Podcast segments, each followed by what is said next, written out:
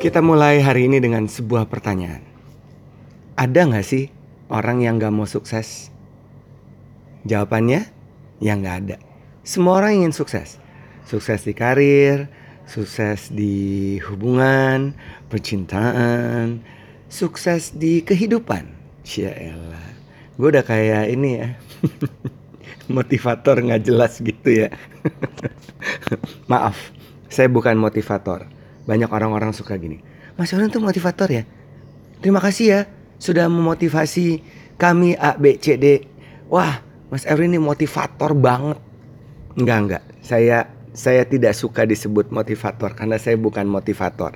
Saya adalah seorang pelatih komunikasi. Wah, gitu ya. Kan ada pelatih A, pelatih B. Saya ini melatih orang untuk bisa komunikasi dengan lebih baik tak walaupun misalnya akhirnya dampaknya mereka menjadi lebih sukses di pekerjaan dan juga di kehidupan bahwa di dalam kata-kata yang saya berikan mengandung beberapa hal yang berhubungan dengan meningkatkan motivasi mereka.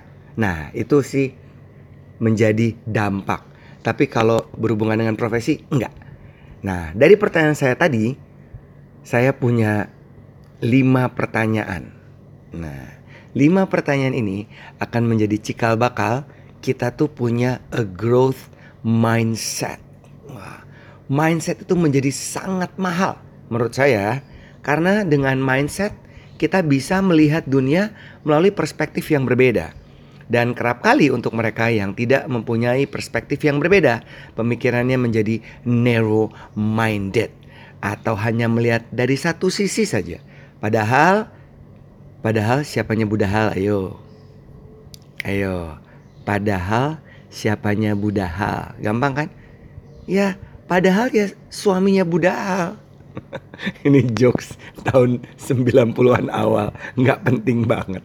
Oke, kita lanjutin ya. A growth mindset. Kalau kita bisa melihat satu masalah dari perspektif yang beraneka, ragam lalu angle yang berbeda-beda, kita bisa menentukan apa yang dapat kita ambil karena kita berhasil melihat dari multidimensi. Itu yang bisa disebut seseorang mempunyai perspektif atau a growth mindset. Nah, ini ada lima pertanyaan winners yang akan saya lontarkan kepada Anda dan saya juga nanti akan menjawab pertanyaan tersebut. Pertanyaan yang pertama, what did you learn from today's performance. Saya ulang ya. What did you learn from today's performance? Pertanyaan pertama. Apa coba winners?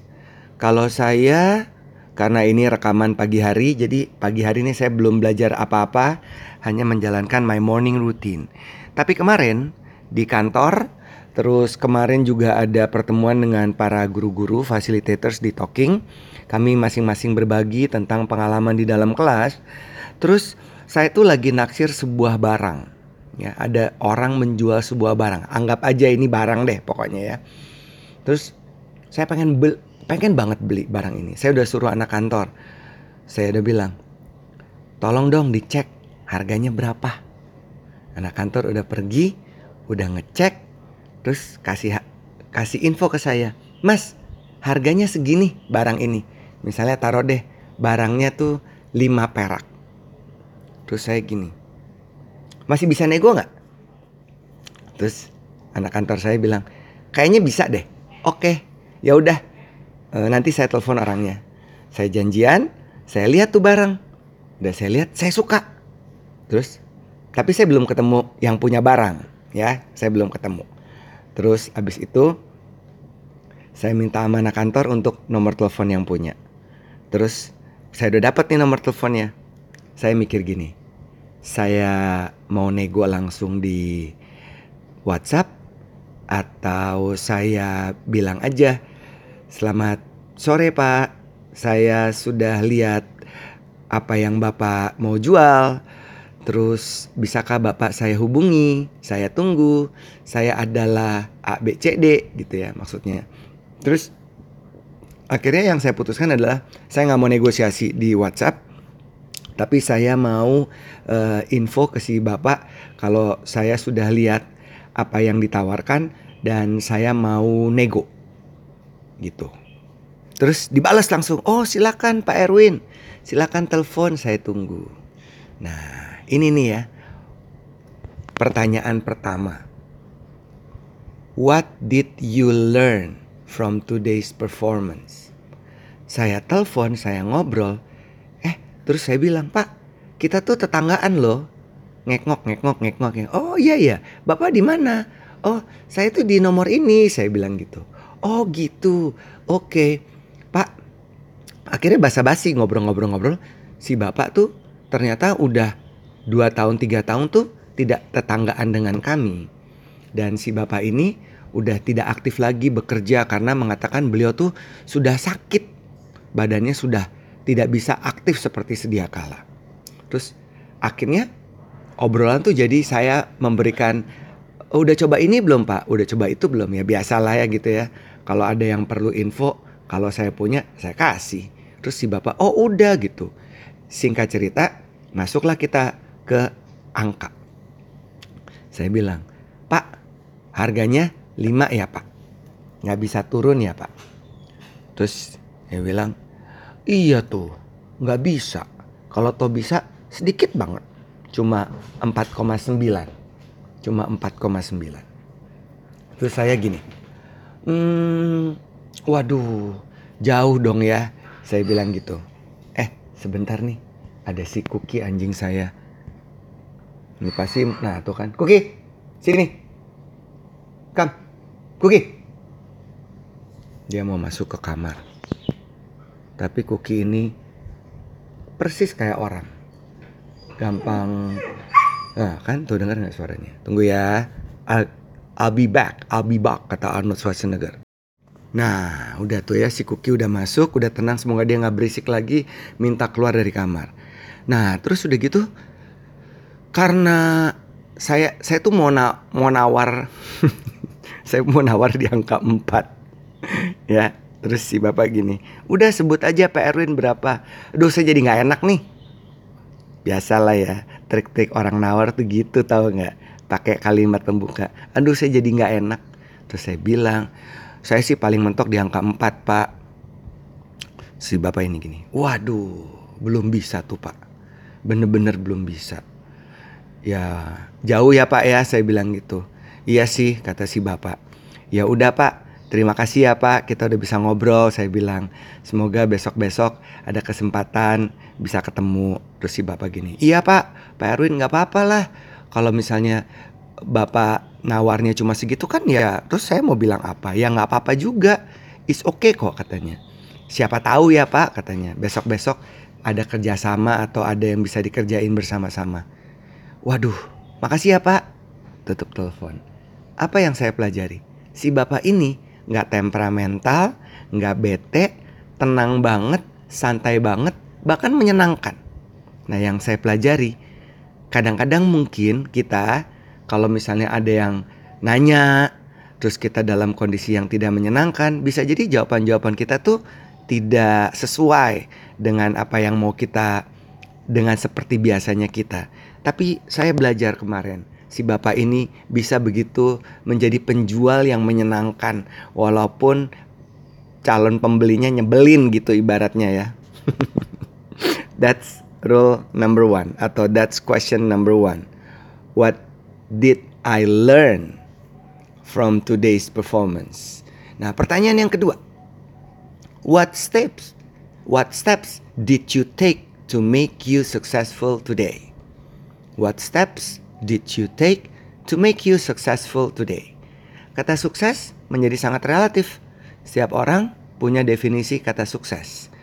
Nah, kalau pertanyaan ini dilontarkan ke saya, saya merasa bahwa sukses yang saya dapatkan saat ini karena saya kerja keras.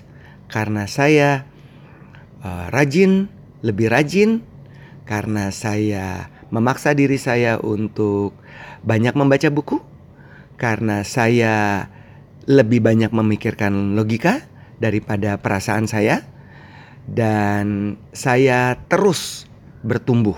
Nah, empat hal itu tuh kalau pertanyaan nomor dua dilontarkan ke saya, what steps did you take to make you successful today? Bagaimana dengan dirimu winners? What steps did you take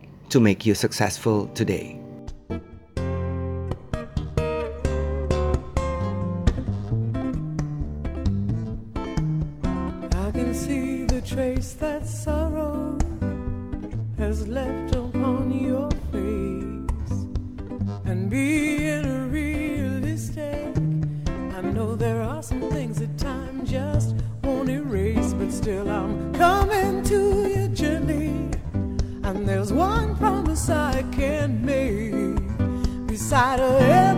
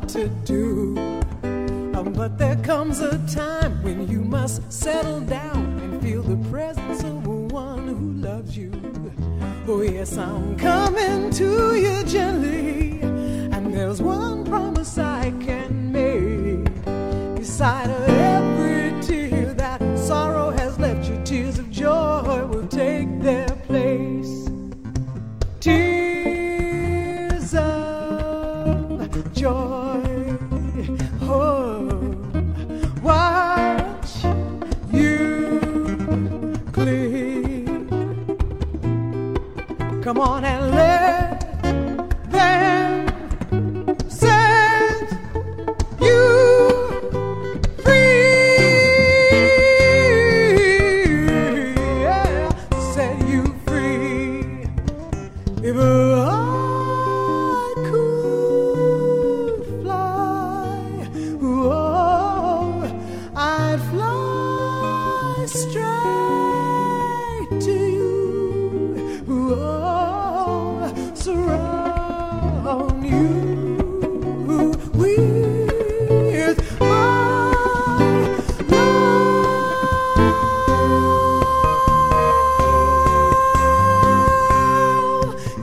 crying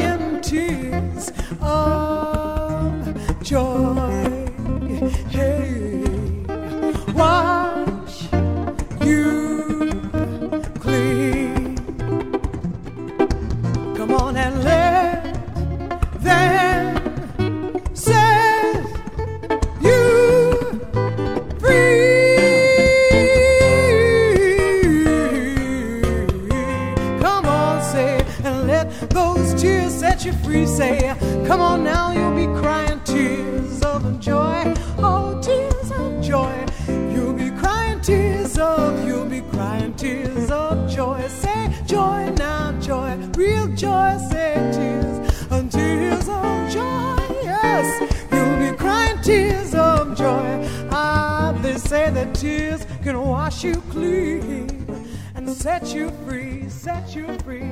You'll be crying tears of joy. I'll surround you with love. Ya, itulah dia Tuck and Patty, Tears of Joy. Ini sama seperti emoticon ya yang ada di handphone kita yang sering kita kirim kalau kita dapat cerita atau sesuatu yang bisa membuat kita tertawa terbahak-bahak sampai mengeluarkan air mata disebut Tears of Joy sama seperti lagu tadi. By the way, grup musik atau duo ini keren banget loh. Tuck and Patty. Waduh, so apa ya? mind blowing. Yeah, is a very such a music for growth mindset. Celah. Iya loh, karena petikan gitarnya dari sitak, terus suaranya Patty yang keren itu dapat merangsang ya syaraf-syaraf di otak kita biar lebih bertumbuh lagi. Wah. Nah, kita kembali ke lima pertanyaan yang dapat membuat kita lebih bertumbuh dan mempunyai mindset yang lebih tajam untuk meningkatkan kehidupan yang lebih baik. Tadi kan udah ada dua pertanyaan. Sekarang pertanyaan ketiga. What are some different strategies you could have used? What are some different strategies you could have used? Nah, ini adalah berhubungan dengan langkah-langkah yang akan kita lakukan. Jadi, uh, tiga bulan ke belakang ini ada sebuah proyek baru yang sedang saya jalanin di kantor dan proyek baru ini bisa dikatakan belum berjalan 100%. Saya sudah memetakan nih ada faktor mana nih yang membuat apa yang saya inginkan belum tercapai. Saya lihat, saya bikin root cause analysis. Oh, saya tahu ini penyebabnya. Terus, langkah apa yang saya lakukan? Saya take over. Saya take over. Karena tentu ya, dengan jumlah tim di kantor, dengan jumlah pekerjaan yang sangat banyak, kita perlu pandai-pandai mengatur skala prioritas dan ada juga proyek-proyek ambisius dan juga proyek-proyek yang perlu dikerjakan dengan cepat tapi jumlah orangnya limited karena semua di kantor kami ini multifungsi. Nah, saatnya saya take over pekerjaan ini kemudian saya execute by my own authority. Ini akan membuat menurut saya proyek yang saya inginkan dari tiga bulan yang lalu bisa berjalan lebih cepat. Saya merubah strategi tapi sebelumnya kita perlu mapping dulu, kita petain dulu. Ini akar masalahnya ada di mana, problemnya di mana, dan kemudian langsung kita action. Itu saya sudah menjawab pertanyaan nomor tiga. Bagaimana dengan Anda winners? What are some different strategies you could have used? Nah ini pertanyaan yang keempat berikutnya. How did you keep going when things get tough? How did you keep going when things got tough. Nah, apa yang Anda lakukan? When things got tough, what would you do? Interesting question. Kalau saya, saya nggak maksa. Saya berhenti. Misalnya dihadapkan dengan suatu pekerjaan yang belum selesai, terus memerlukan strategi yang tepat dalam mengambil langkah saya udah belajar dari pengalaman-pengalaman sebelumnya. Seringkali saya ini terlalu cepat bergerak. Seringkali saya terlalu gegabah. Jadi dari pelajaran-pelajaran itu saya kemudian belajar untuk menahan diri. Nah, punya good self control dan ini bisa dilatih winners. Jadi saya menahan diri, saya tidak reaktif, saya diam karena kalau saya belum menemukan jawabannya dari pengalaman yang lalu, lebih baik saya diam. Saya diam terus saya tahu nggak ngapain kontemplasi. Saya merenung, saya memikirkan, terus biasanya saya cari waktu untuk menyendiri dan biasanya yang terjadi dengan saya ketika saya dalam kondisi kuldesak atau di posisi yang belum tahu mesti melangkah ke mana, saya pasti akan mengendap, mengendapkan permasalahan tersebut saya pikirkan malam hari, terus tentu dibantu dengan doa. Besok pagi biasanya kalau saya bangun udah ada tuh langkah apa yang harus saya lakukan. Kayaknya udah ada guidelines di kepala saya. Jadi saya juga pernah baca sebuah buku, saya lupa, mengatakan bahwa kenapa kalau orang berdoa malam hari itu kita diminta untuk kayak kontemplasi dan ngomong ke Tuhan apa saja yang sudah terjadi, apa yang sudah kita lakukan dan apa yang kita harapkan akan kita lakukan keesokan harinya. Nah, ternyata semua agama mengajarkan hal yang sama. Dan dari situ sih saya mendapatkan biasanya kalau dalam posisi nggak tahu strategi mesti ngapain, ya hal itu yang saya lakukan. Merenung, memikirkan, dan kemudian meminta kepadanya agar besok saya bangun saya dapat jawaban. Dan biasanya itu yang saya dapetin. Jadi ini juga sebenarnya kalau di sisi dari apa yang saya ketahui tentang alam bawah sadar, jadi semua yang terekam dalam kehidupan kita itu kemudian di storage atau disimpan di alam bawah sadar. Nah, alam bawah sadar ini letaknya tuh ada di tengkuk manusia. Dan alam bawah sadar inilah yang banyak memberikan instruksi kepada otak kita. Jadi you are what you think, you are what you believe. Kalau Anda percaya bahwa satu hal adalah A, ya akan seterusnya dia akan menjadi A. Tapi kalau Anda bilang ke dalam diri, kayaknya belum tentu A deh. Kita cari yuk apakah dia A1, A2, A3, A4, A5 dan seterusnya.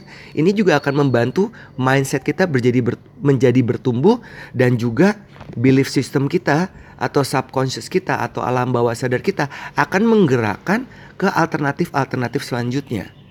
Jadi, yes, semua agama benar banget ngajarin. Kita minta malam hari dan besok kita kemudian berkomunikasi dengannya dan kemudian biasanya akan dapat jawaban. Nah, itu juga yang berlaku dalam pekerjaan dan kehidupan saya. Terus pertanyaan yang ke lima yang terakhir. What can you learn from your opponent today? What can you learn from your opponent today? Kan dikatakan ya bahwa kita kan hidup tidak sendiri. Kita hidup juga dengan banyak tantangan, termasuk juga banyak pesaing-pesaing kita. Dan kita juga mesti keep our eyes open untuk melihat what's going around ya, what happenings around us. Termasuk juga kompetisi di dalam menjalankan pekerjaan kita. Nah, kalau saya ngelihat hmm, oponen saya itu mereka lebih terbuka. Oponen saya itu mereka lebih cepat lebih cepat terutama yang berhubungan dengan digitalisasi. Dan ini yang yang ingin saya percepat. Ingin hal ini yang ingin saya uh, lakukan segera mungkin. Dan saya belajar mereka tuh cepat sekali. Jadi saya juga nggak mau kehilangan momentum. Jadi winners, lima pertanyaan to make our mindset growth gitu ya. Tadi What did you learn from today's performance? What steps did you take to make you successful today? What are some different strategies you could have used? How did you keep going when things got tough? And what can you learn from your opponent today?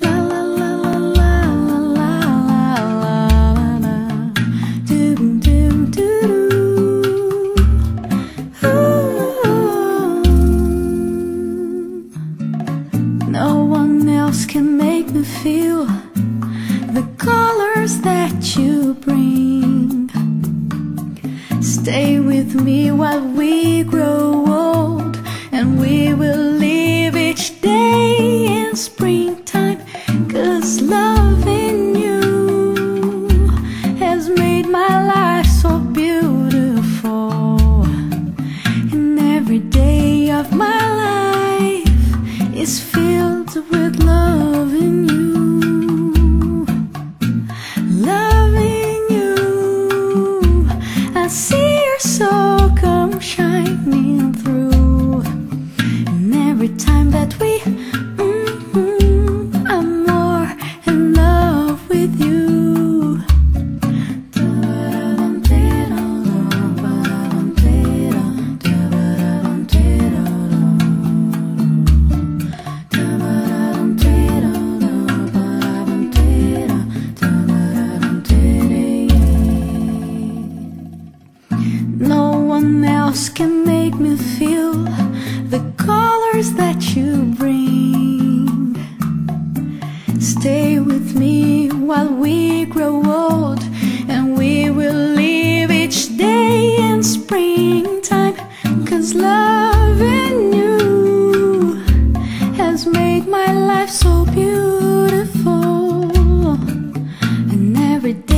of my life is filled with love and.